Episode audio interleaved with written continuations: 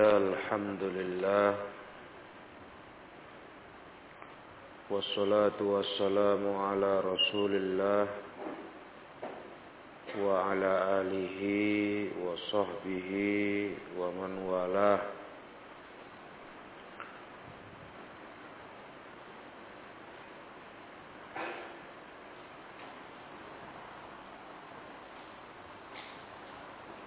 Sekarang kita sampai ayat 60 63. Nah,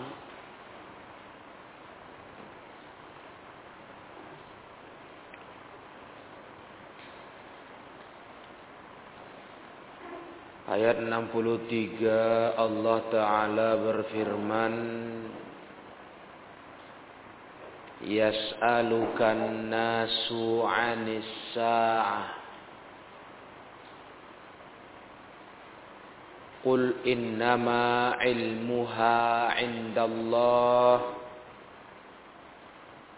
Wa ma yudrika la'alla sa'ata takunu qariba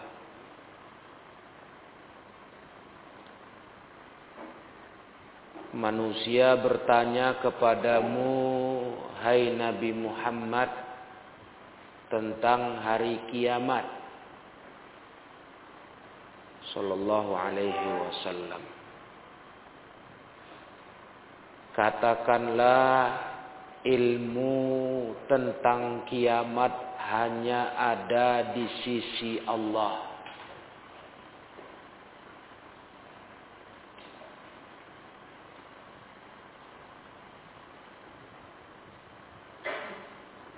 Dan tahukah engkau boleh jadi bisa saja hari kiamat itu sudah dekat waktunya.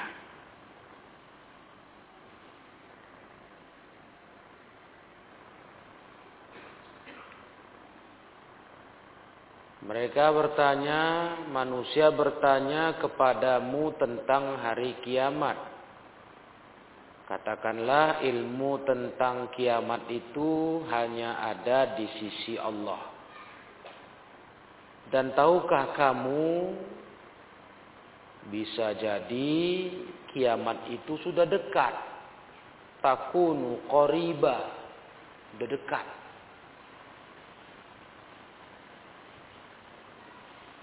Sudah mau datang.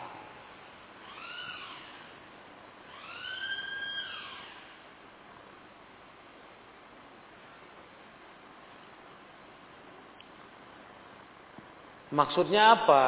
Ay yastakhbirukan nasu anis Manusia bertanya kepadamu, cari tahu, yastakhbiruka istighbar, cari berita tentang hari kiamat. Kenapa mereka cari berita? Istijalan laha. Karena kepengen disegerakan. Istijal. Kepingin disegerakan.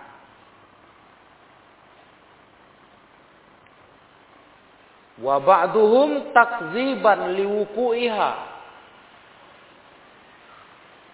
Sebagian mereka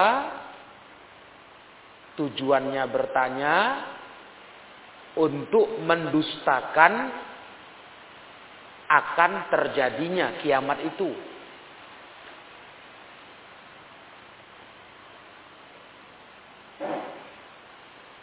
Mau bilang gak betul itu gitu.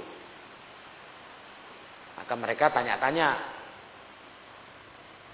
Wa ta'jizan lillazi akhbara biha dan untuk melemahkan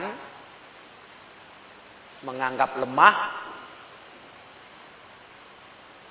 zat yang menceritakan tentangnya Alladzi akhbar biha. Itu di antara tujuan mereka menanya-nanya kapan kiamat. Ada yang kepengen minta segera. Dikiranya kiamat itu gimana gitu. Ada yang mendustakannya, nggak percaya. Ada juga yang untuk menganggap lemah. Yang menceritakan tentang kiamat itu. Allah lah. Berarti Allah tuh kayak seakan-akan tak bisanya itu. Itulah tujuan mereka nanya-nanya Nabi tentang kiamat. Maka Allah katakan, Kul, katakan ke mereka, hai Nabi Muhammad. Katakan ke mereka, Innama ilmuha indallah. Ilmu tentang kiamat itu hanya ada di sisi Allah. Artinya, la ya'lamuha illallah. Gak ada yang tahu kecuali Allah. Artinya Rasul pun nggak tahu. Yang tahu cuma Allah.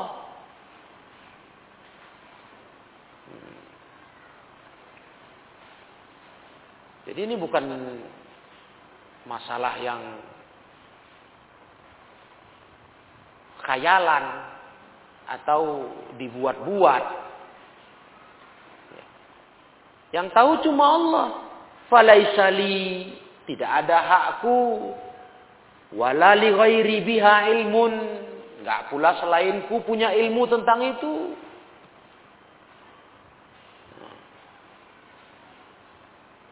Jadi begitulah model mereka orang-orang kufar.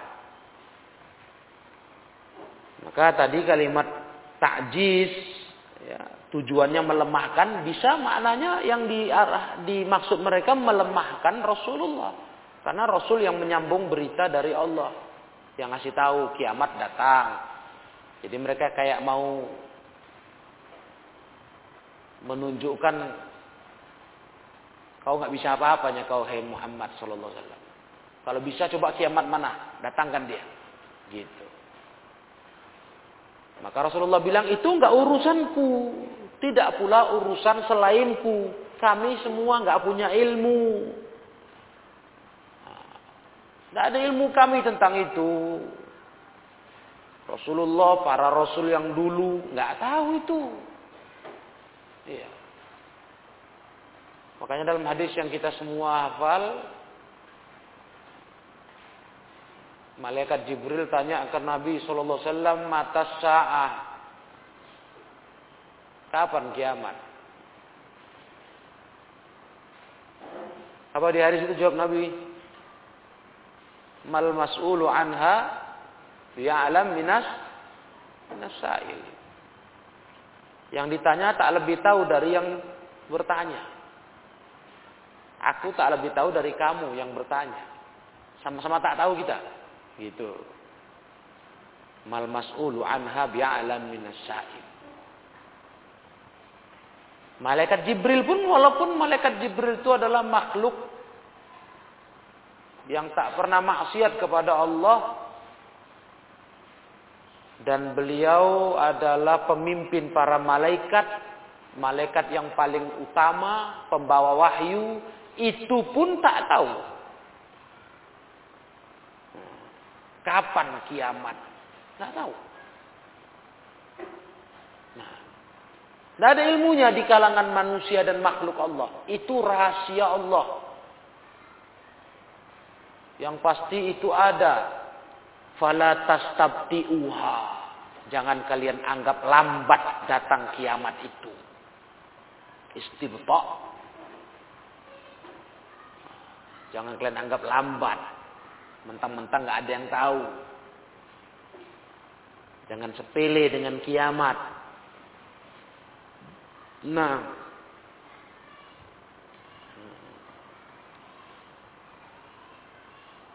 Lagi pula untuk apa urusan kita mikir kapan kiamat datang? Untuk apa? Mau cari kepastian, sesuatu yang gak ada yang tahu. Faedahnya apa? Hmm? Atau seperti apa yang dibuat orang kufar. Kufar yang masih ada keimanan dengan hari kiamat. Tapi mereka jadikan ini seperti satu hal yang main-main gak begitu hebat. Soalnya mereka bilang apa? Kiamat itu terjadi masih bisa diatasi. Tahu diatasi? Bisa dihadapi. Sekarang sedang heboh para ilmuwan barat menciptakan bunker. Tahu bunker? Ruangan anti kiamat. Jadi ketika bumi ini hancur, orang yang masuk dalam tempat itu aman. Nah, tengoklah mempermainkan kiamat. Mereka mempermainkan kiamat. Ini model-model orang kufar begitu. Satu sisi mengesankan mereka percaya kiamat.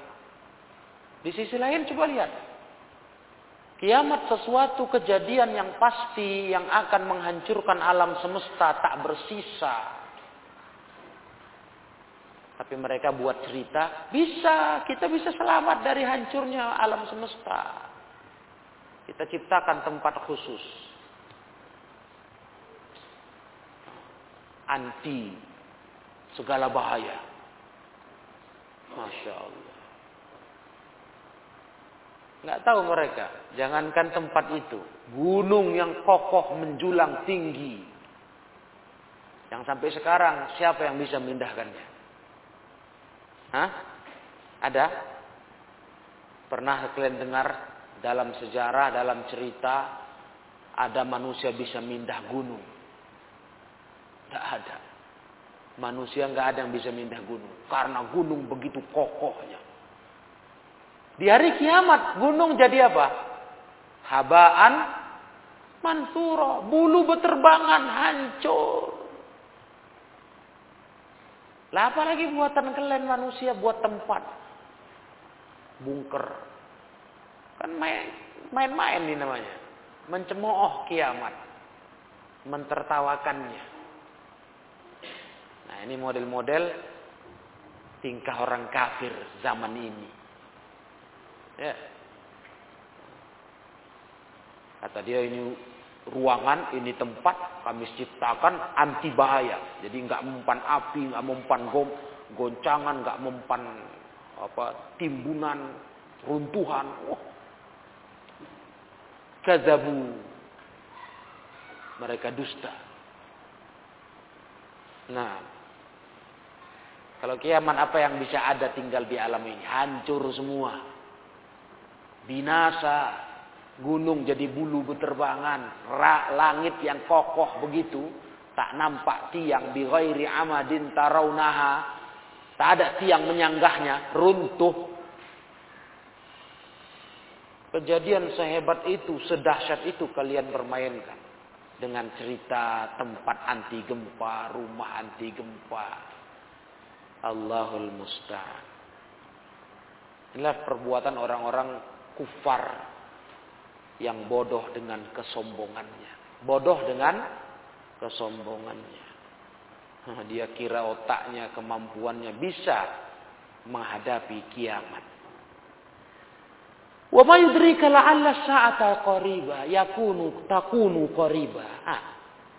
Tidakkah kau tahu bisa jadi kiamat itu rupanya sudah dekat. Ngapain ditanya-tanya? Tahu-tahu sudah dekat dia. Terus kau mau apa? Mau gimana coba? Sibuk kali tanya-tanya, bahas-bahas. kemungkinan kiamat terjadi kita harus mencari selamat dan sebagainya. Wa mujarradu maji'is sa'ah kurban wa bu'dan dan semata-mata datangnya kiamat itu baik dekat maupun jauh laisa tahtahu natijatun wala faidah. Tidak ada di bawah masalah itu, nggak ada hasil dan nggak ada guna faidahnya. Mau dekat mau jauh, kenapa rupanya?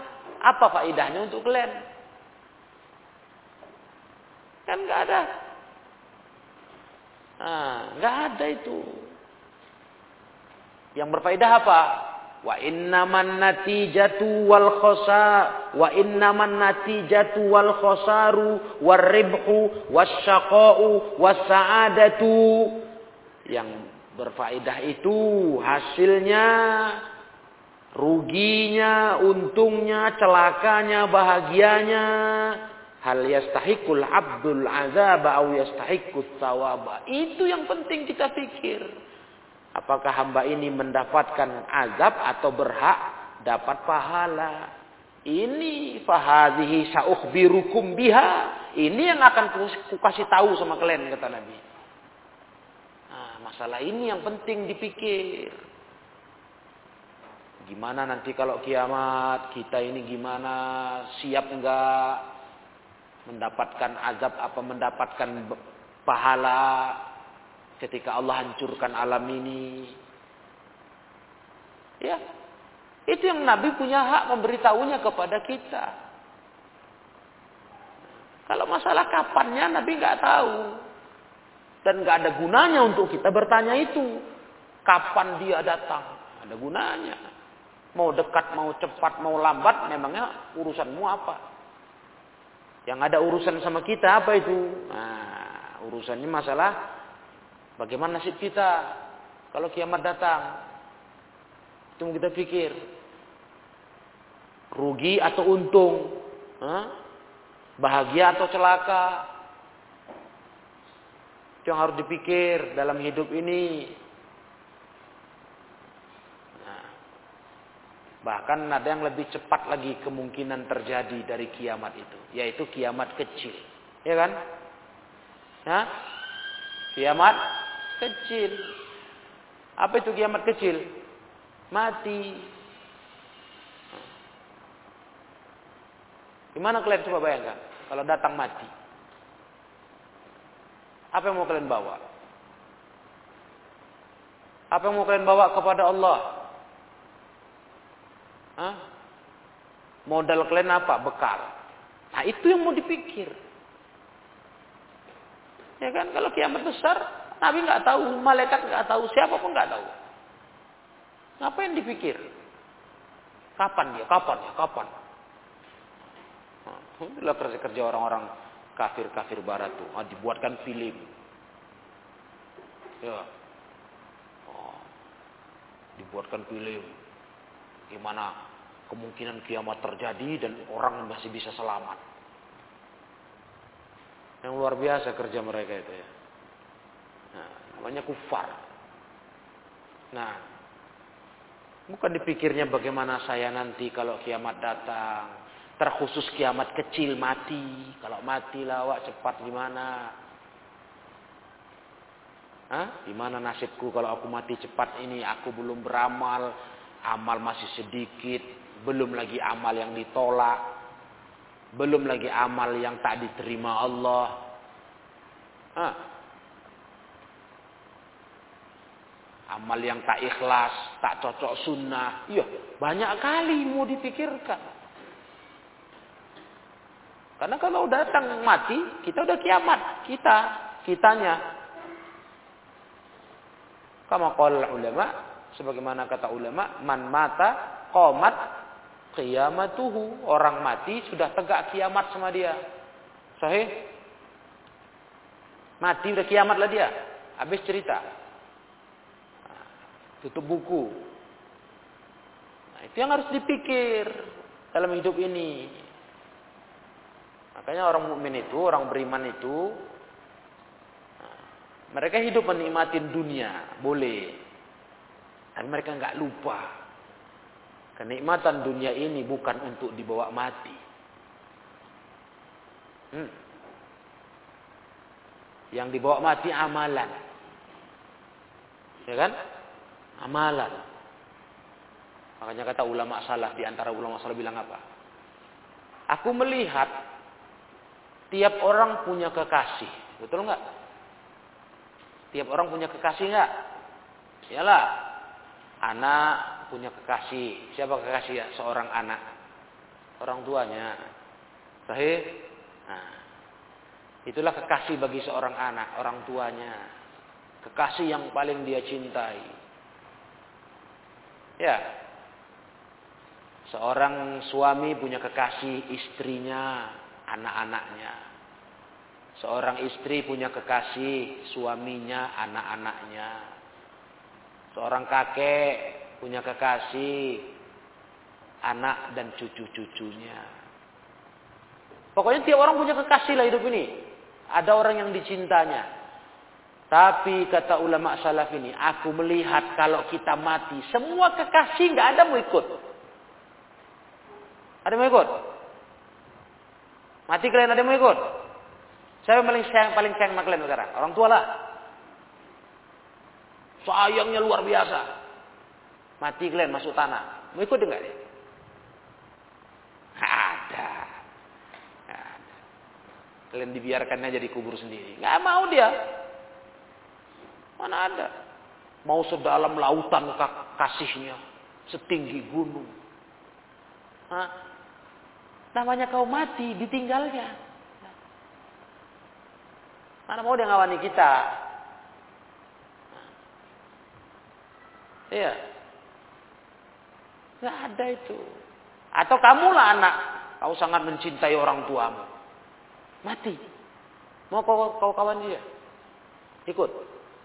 Tidak ada. Tidak ada.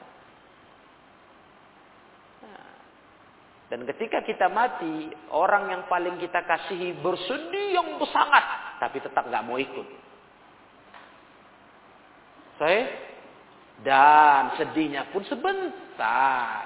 Alah, mau air matanya nangis bengkak, matanya bengkak. Paling berapa lama? Hitungan sehari semalam udah reda sedihnya. Masih sedih tapi udah reda.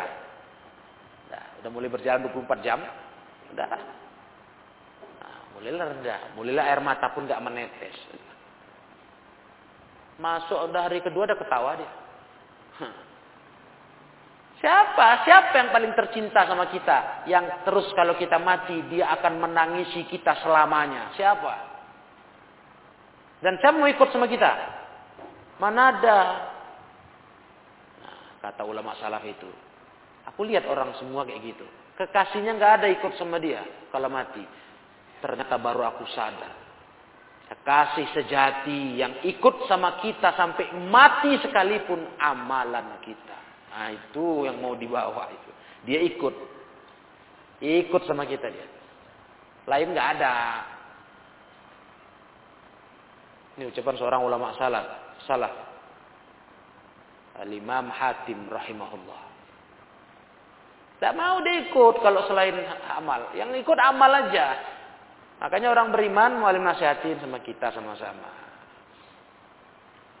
Dunia ini jangan menipu. Kita butuh berbekal untuk mati. Kiamat dekat sudah. Baik kiamat besar apalagi kiamat kecil. Dekat. Ah dekat kali lah. Ah. Gak berapa lama umur kita ini. Mana panjang-panjang kali. Rata-rata umur umatku ini kata Rasulullah 60 tahun udah udah lumayan banyak kali itu. Lebih dari itu bonus lah. Nah, ada orang umur 60 lebih bonus itu. Jarang-jarang itu, nggak sering-sering. Hmm. Udah masuk umur 40 tahun, udah mulailah kita banyak penyakit. mulailah. Biasanya rentang 40 60. Nah, di antara itu mati lagi. Hmm. Dan tidak sedikit di bawah itu.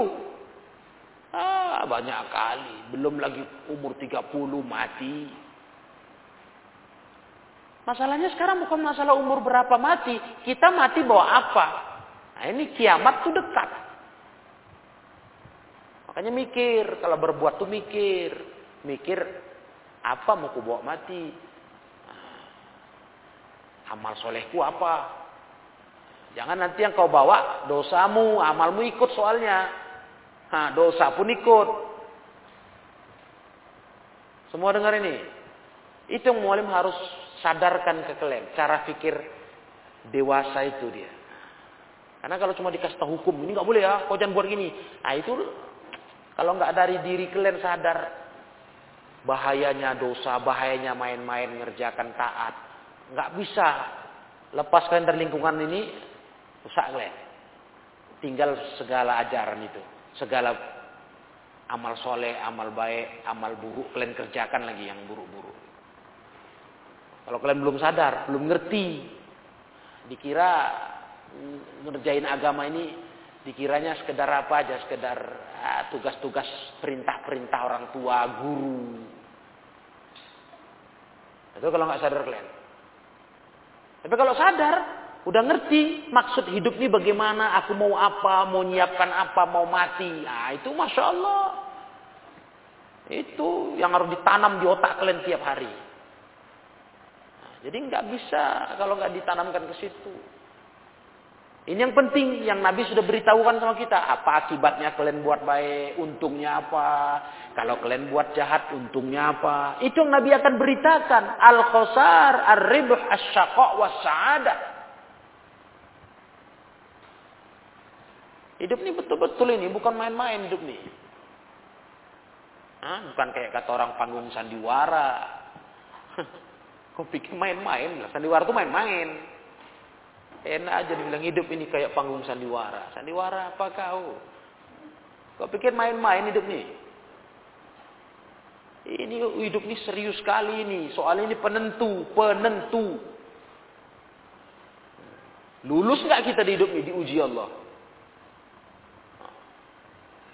Makanya orang yang main-main tuh, nah sama lagi mana orang main-main, dia berharap kali punya punya nilai tinggi kalau ujian supaya nanti ada ada ijazah yang bisa untuk cari kerja atau melanjutkan sekolah.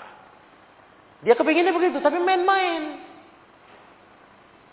Ya apa yang dia dapat? Kegagalan lah.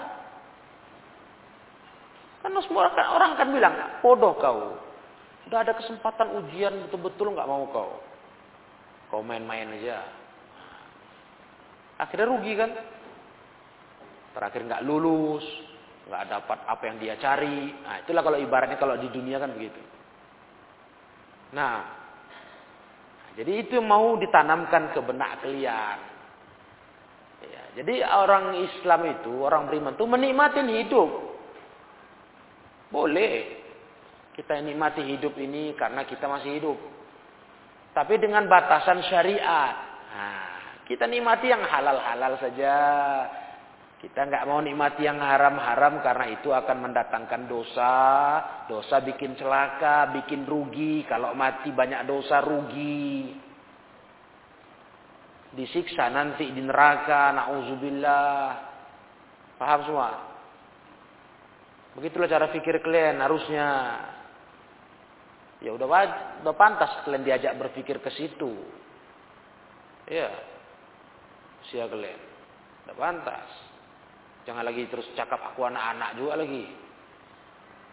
Hah? Garis syarat penerimaan santri baru itu harus usia 11 tahun.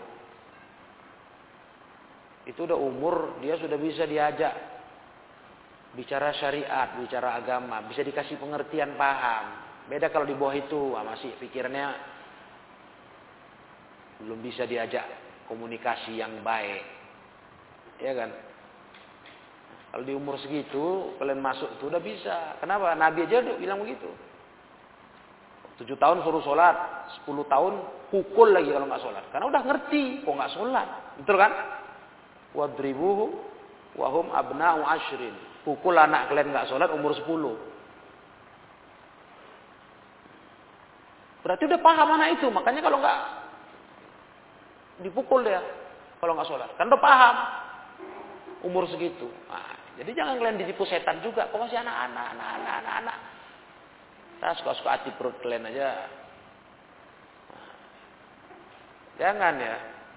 Kita takut kepada hari kiamat yang datang. Baik yang besar apalagi yang kecil apalagi yang besar. Sama takut kita. Takutnya kita waktu dia datang kita nggak punya persiapan menghadap Allah. Amal bolong-bolong. Itu makanya sholat sunat tuh jaga betul. Hei santri, jangan lagi kucing-kucingan. Nah, jangan lagi lari-lari. Yang rugi kau juga nya.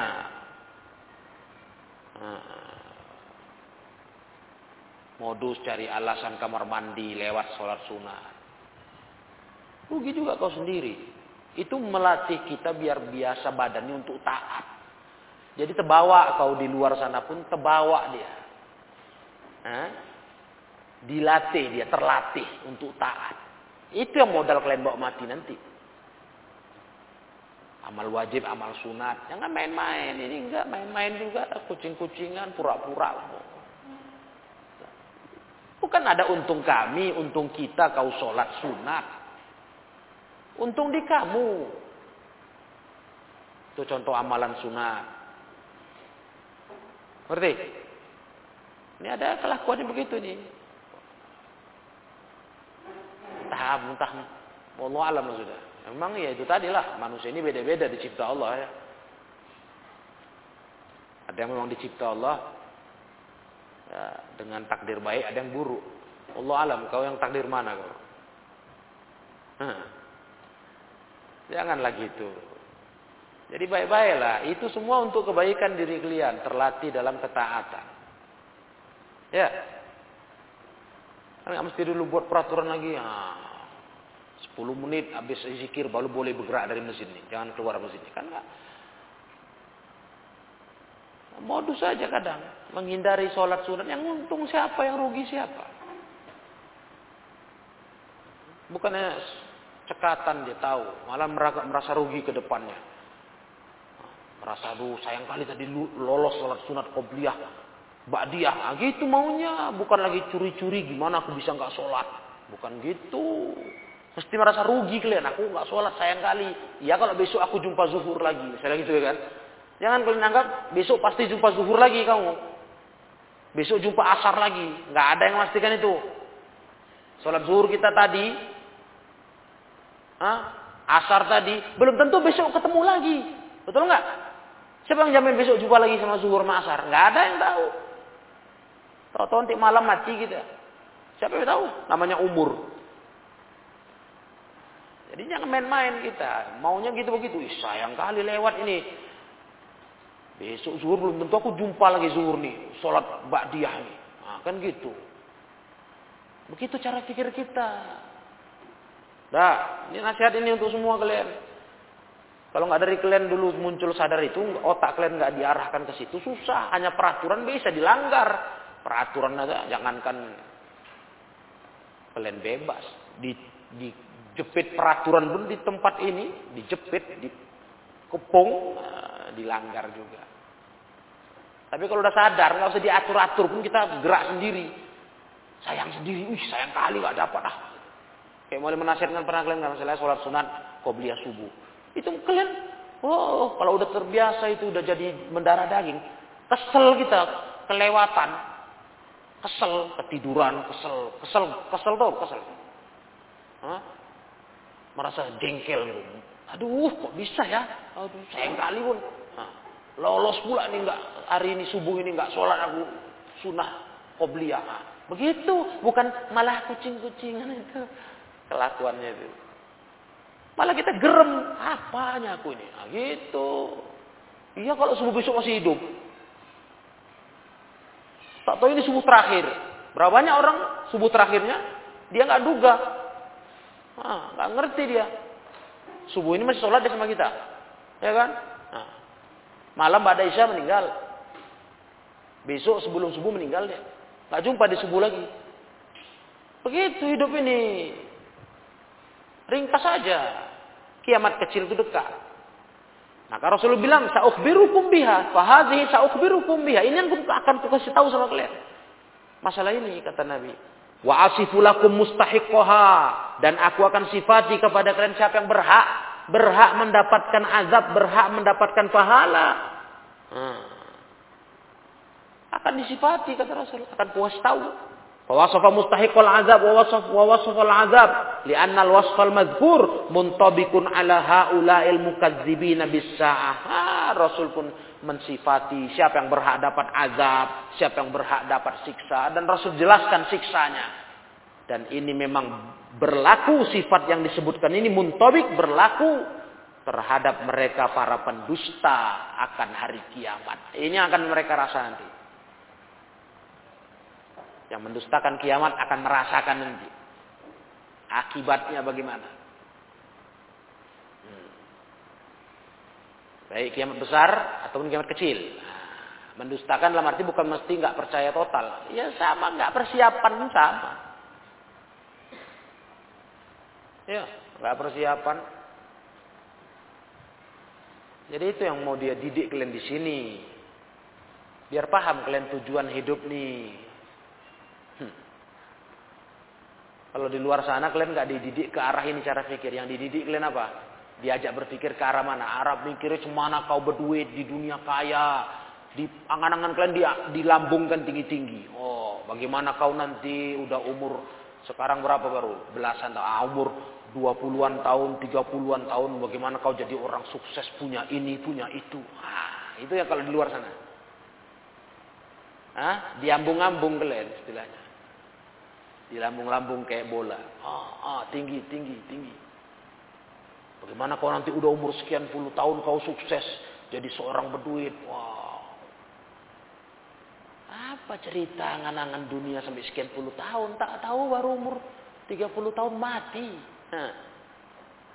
Belum genap 30 mati. Itu kerja setan begitu. Ya, karena setan tahu yang paling bisa menipu kita yang nampak ini. Kalau yang belum nampak cerita akhirat, belum nampak ini payah. Payah kita ini. Susah dipahamkan. Ayo kok cerita yang nampak, ah tuh enak kan? Kau tengok tuh orang berduit kan enak kan?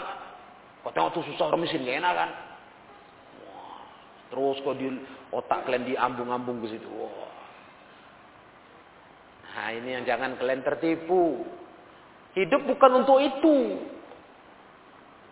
Dunia ini bukan tujuan utama. Tujuan utama kita rumah akhirat. Kita di dunia sekedar apa? Numpang lewat. Abiri sabil. Lah, numpang lewat. Tujuan rumah kita bukan ini.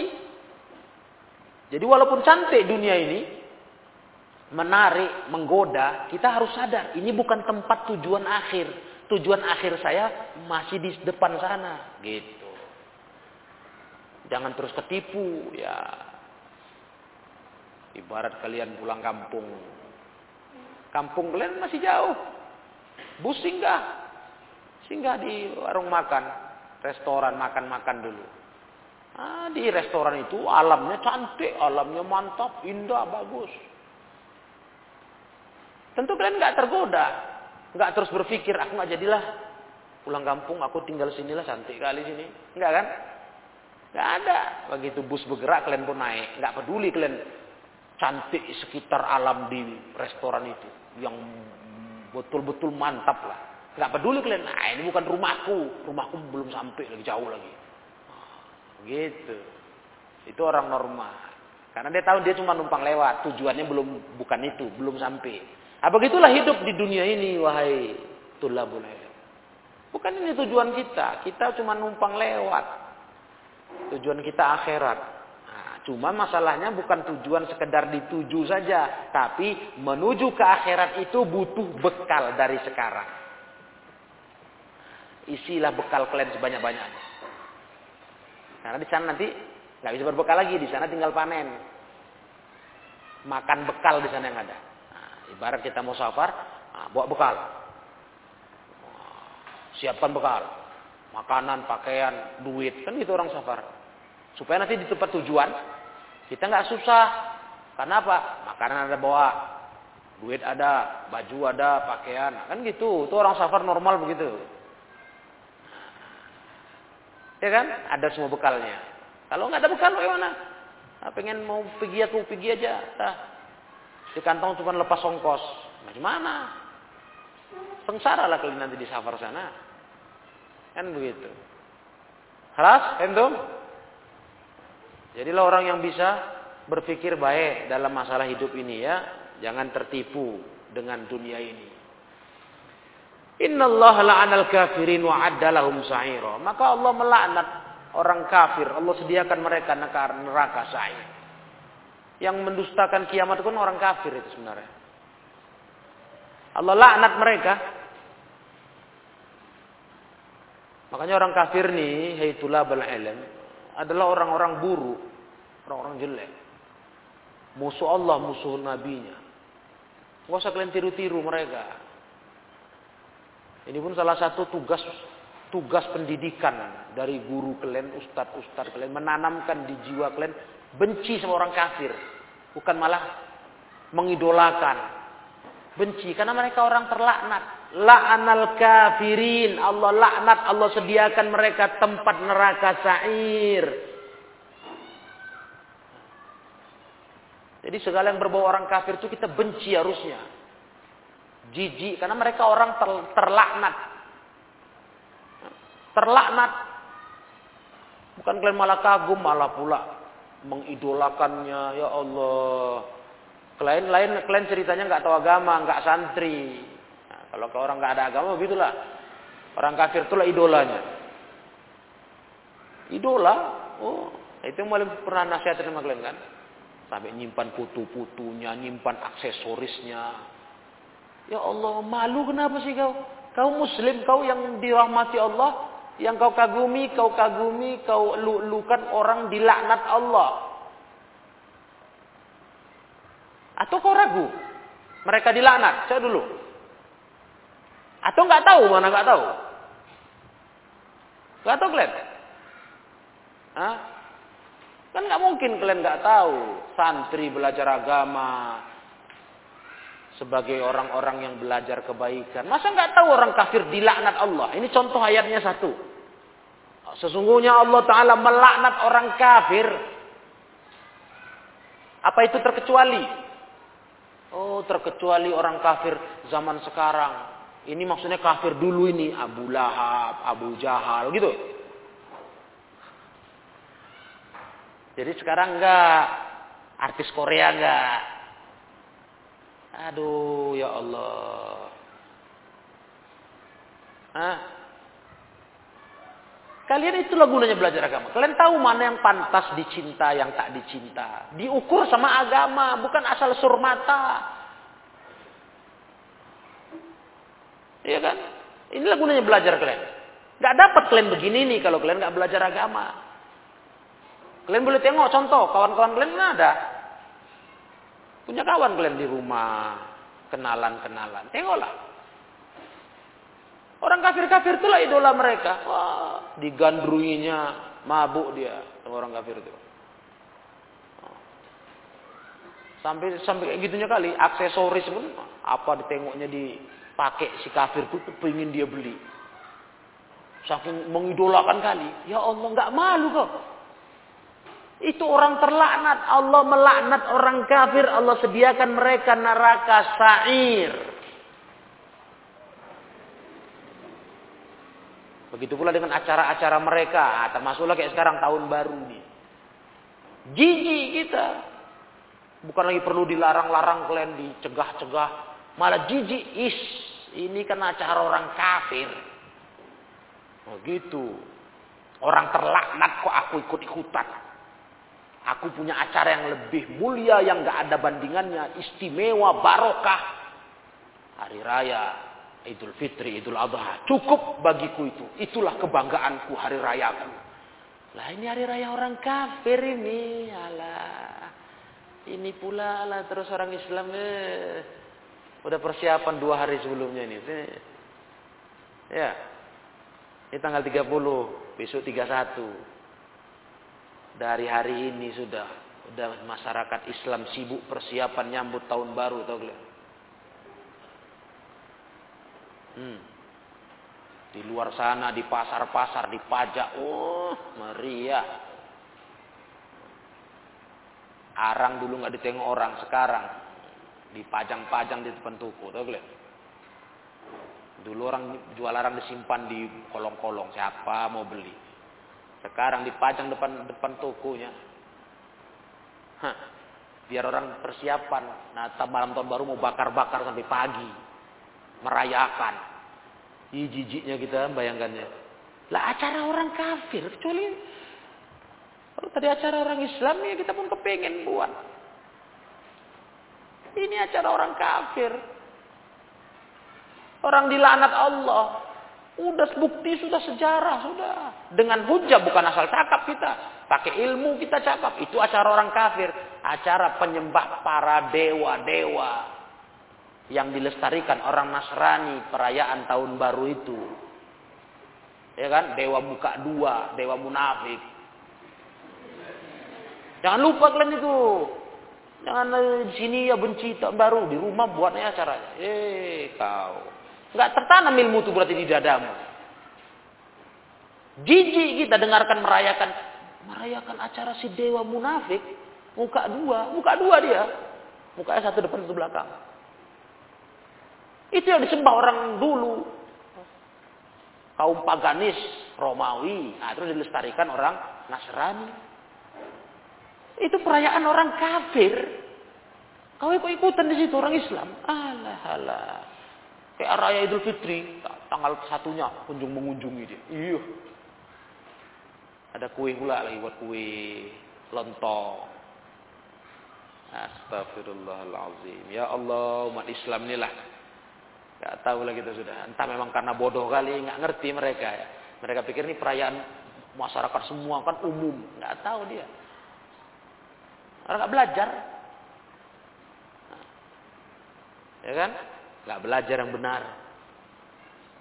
Nah ini kalian harus paham. Jadi ayat ini menunjukkan betapa hinanya orang kafir. Dilaknat Allah. Siapa pun dia, orang kafir dilaknat Allah. Hmm. Lihat ini.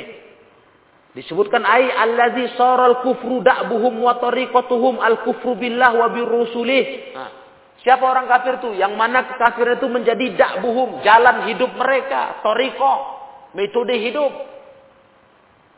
Itu orang kafir. Ya. Mereka kafir kepada Allah dan para rasul, wa mimma ja'u bihi min indillah, kafir terhadap apa yang datang dibawa para rasul dari sisi Allah. Hah. Kan orang kafir nggak percaya kan? Dengan yang dibawa dibawa para utusan Allah. Mana percaya? Nasrani lah dulu. Coba dulu kalian lah. Orang Nasrani percaya nggak kepada yang dibawa Rasulullah? Tidak percaya. Bagi mereka Rasulullah itu siapa? Penipu. Gak tersinggung kalian? Hah? Rasulullah itu Nabi yang begitu kita muliakan, junjungan kita, itu bagi orang kafir penipu. Muhammad itu penipu. Quran itu penipu. Ini kenyataannya. Kalau umat Islam bilang Nabi Isa, Nabi, mulia Nabi, utusan Allah. Isa ibni Maryam, ya kan? Bukan Tuhan, bukan anak Tuhan, utusan Allah, mulia. Mereka bilang Nabi Muhammad apa? Penipu lah. Gak pernah tahu kalian tuh. Kalian pikir mereka bilang Nabi Muhammad tuh Nabi yang mulia. Terus mereka bilang sallallahu alaihi wasallam gitu. Kafir mereka terhadap Allah dan Rasulnya dan apa yang dibawa oleh para Rasul. Mereka kafir, nggak beriman. Jadi kalian malu harusnya orang kayak gitu kalian elu-elukan. Eh akhwat-akhwat. Yang pernah terjadi entah kalau sekarang diam-diam tobatlah kau malu kau ke dirimu. Kau umat Nabi Muhammad. Tapi yang kau idolakan orang kafir yang menghina-hina Nabi Muhammad sallallahu alaihi wasallam. Yang menganggap Nabi Muhammad penipu, pembohong. Malu kalian, jangan hanya gara-gara kagum sama tampangnya, cantiknya, gantengnya, udah. Hah? Udah ketipu kalian? Aduh. Kira-kira sekarang lah kalau mau tanya kalian. Kalian kagum nggak? Jatuh cinta nggak kalau ada orang ganteng? Ganteng, masya Allah. Nah, biasa kan situ arahnya tuh udah sama artis kalian kan, tertipu dengan itu kan. Atau keahlian dia berjoget, menari, Hah? berakting. Nah sekarang ada orang ganteng, ganteng masya Allah, kalian nengok langsung jatuh cinta langsung. Kalau perempuan kan itu, pantang nengok orang ganteng. Orang jelek pun jatuh cinta dia. Ampun memang. Terus orang ganteng itu bilang, Bapak kau bodat. Kau bodat? Hmm? Nah, atau bapak kau monyet. Gitu. Jatuh cinta nggak kau?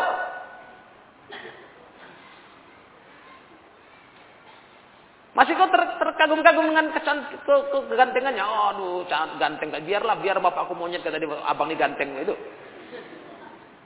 Yang ada darah kau mendiri ke bunuh-bunuh kepala aku, aku nanti gitu kan. Paling-paling itu dari otak kau. Oh, kau, bapak aku pula monyet kau bilang. Nah emosi kau larusnya, bukan malah biarlah, biarlah bang bapak aku monyet itu. Aku terfitnah kali sama ganteng kau gitu. Itu baru bapakmu digitukannya kau udah emosi lah. Ini nabimu. Keyakinanmu. Ya orang kafir itu begitu semua. Begitu. Kalau enggak enggak kafir lah dia. Kalau dia se seakidah sama kita. Aduh, tengok itu dulu. Makanya aduh, jangan lagi kalian masih terbawa juga. Itulah belum belum apa, belum berubah. Walaupun dia udah pindah tempat, udah mondok, nggak berubah jiwanya, masih jiwa liar di luar sana masih ada. Jadi nggak peduli, pokoknya aku. Aduh, ingat kamu mati, mau mati kau. Hmm. Eh, kalian laki-laki lah, ada cewek kan, cewek cantik, mantap kali, cantik lah. Pokoknya nengoknya kita suka langsung lah, wah. Nah, terus gitu kan ya bapak kita, dimakinya, mama kita. Nah, Macam mana? Bukan malah kita jatuh cinta. Mau kita tinju, kita koyak mulutnya ya. Kan begitu kan. Itu baru orang tua kita digitukannya. Ini Rasulullah. Sallallahu alaihi wasallam. Khalilur Rahman. Gitu cara mandangnya. Jangan asik mandang asal apa sok-sok tren sekarang. Tren anak muda sekarang. Apalah kalian ini. Enggak berubah. Itu yang paling sedih kan. Kalau udah pindah tempat yang lebih baik, insya Allah. Harusnya terdidiklah jiwamu dengan agama.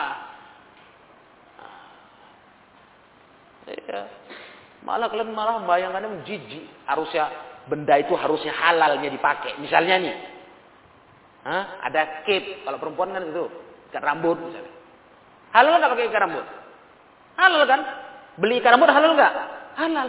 Tapi bisa-bisa mestinya begitu ikat rambut nih ada khasnya sama orang kafir. Jijik. Bukan malah kalian mau beli. Saking nggak sukanya hati sama orang kafir. Gitu. Aku beli yang lain lah. Benci jijik aku bayangkan aku pakai kayak dia. Ah gitu. Mestinya udah ke situ jiwa kalian. Bukan malah berkejar-kejaran. Sampai dulu ada, itu karena awam tadi lah, awam, awam nggak ngaji, nggak belajar, jadi anak belajar pun mama yang itulah. Dan cerita pula aku ini bangga pula.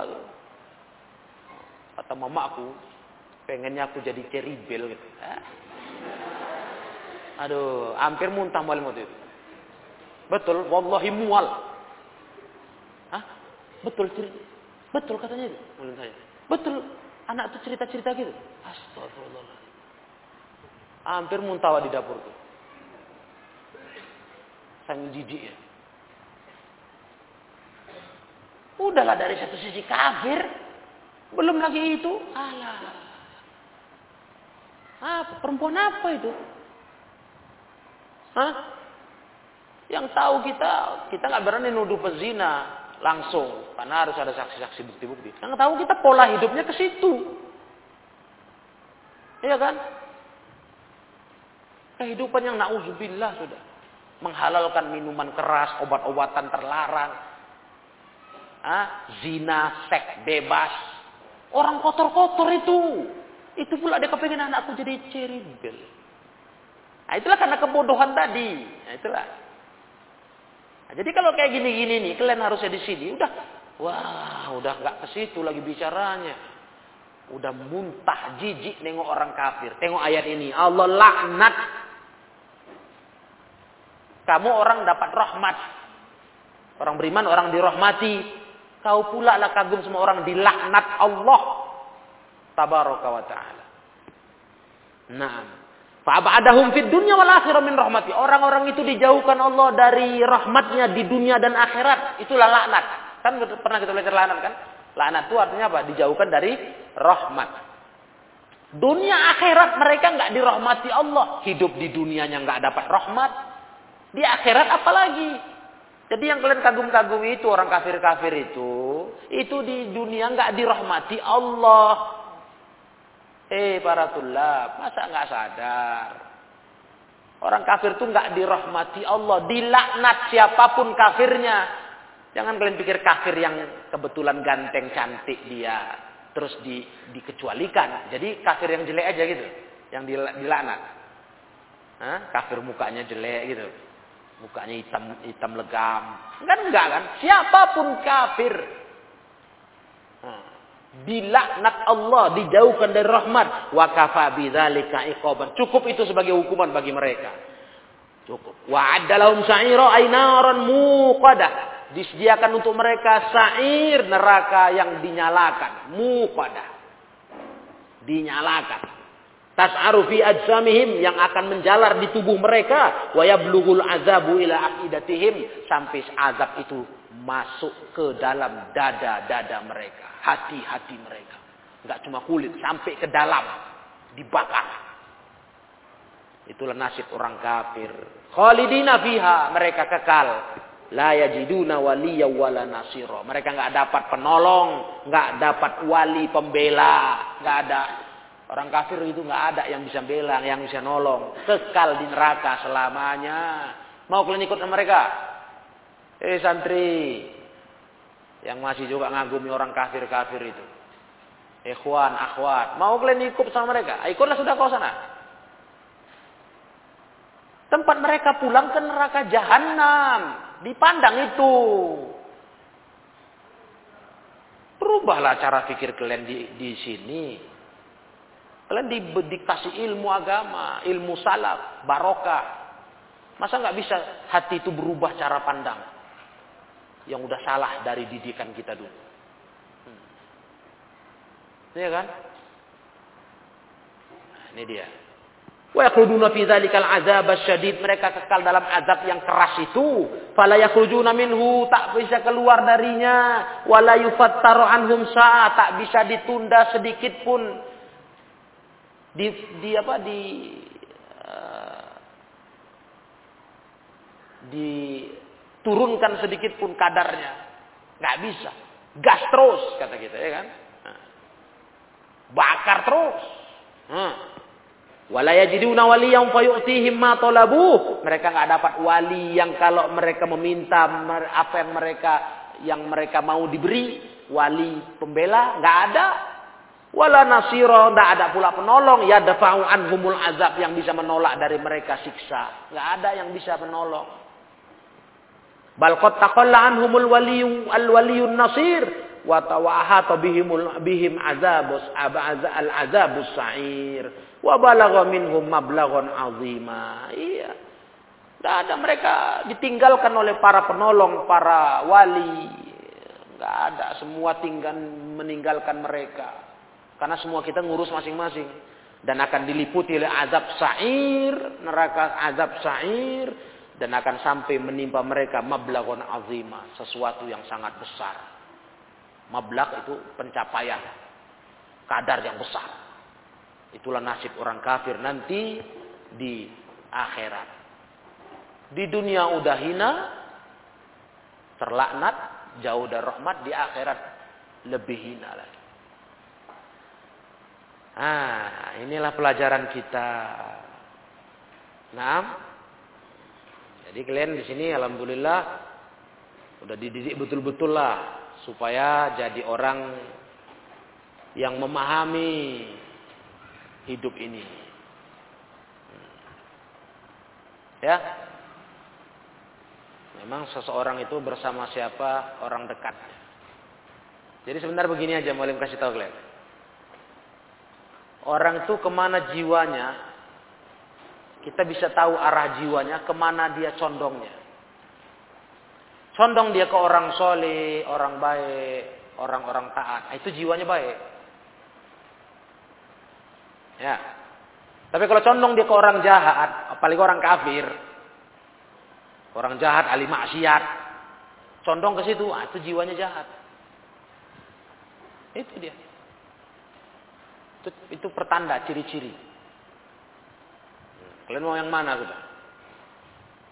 Jadi kalaupun ada masih kalian masih bandal, jiwanya masih ke situ, sembunyikan aja dulu lah. Bukan malah bangga-bangga cerita sama kawan. Kawan diajak-ajak, diseret-seret ke situ. Harusnya kalian sembunyikan berobat kalian. Berobat dengan cara Islam. Berobat dengan cara sunnah. Dengan cara ilmu berobatnya. Berarti kalian sakit. Jiwa kalian sakit. Kalau condong kepada orang kafir. ya. Mestinya jiwa sakit itu kau obati. Kau simpan. Jangan kau tunjuk-tunjukkan. Hmm. Dah? Paham? Nah, jadi ini pelajaran kita. Sampai ayat 66, eh 65. Nah. Ilahuna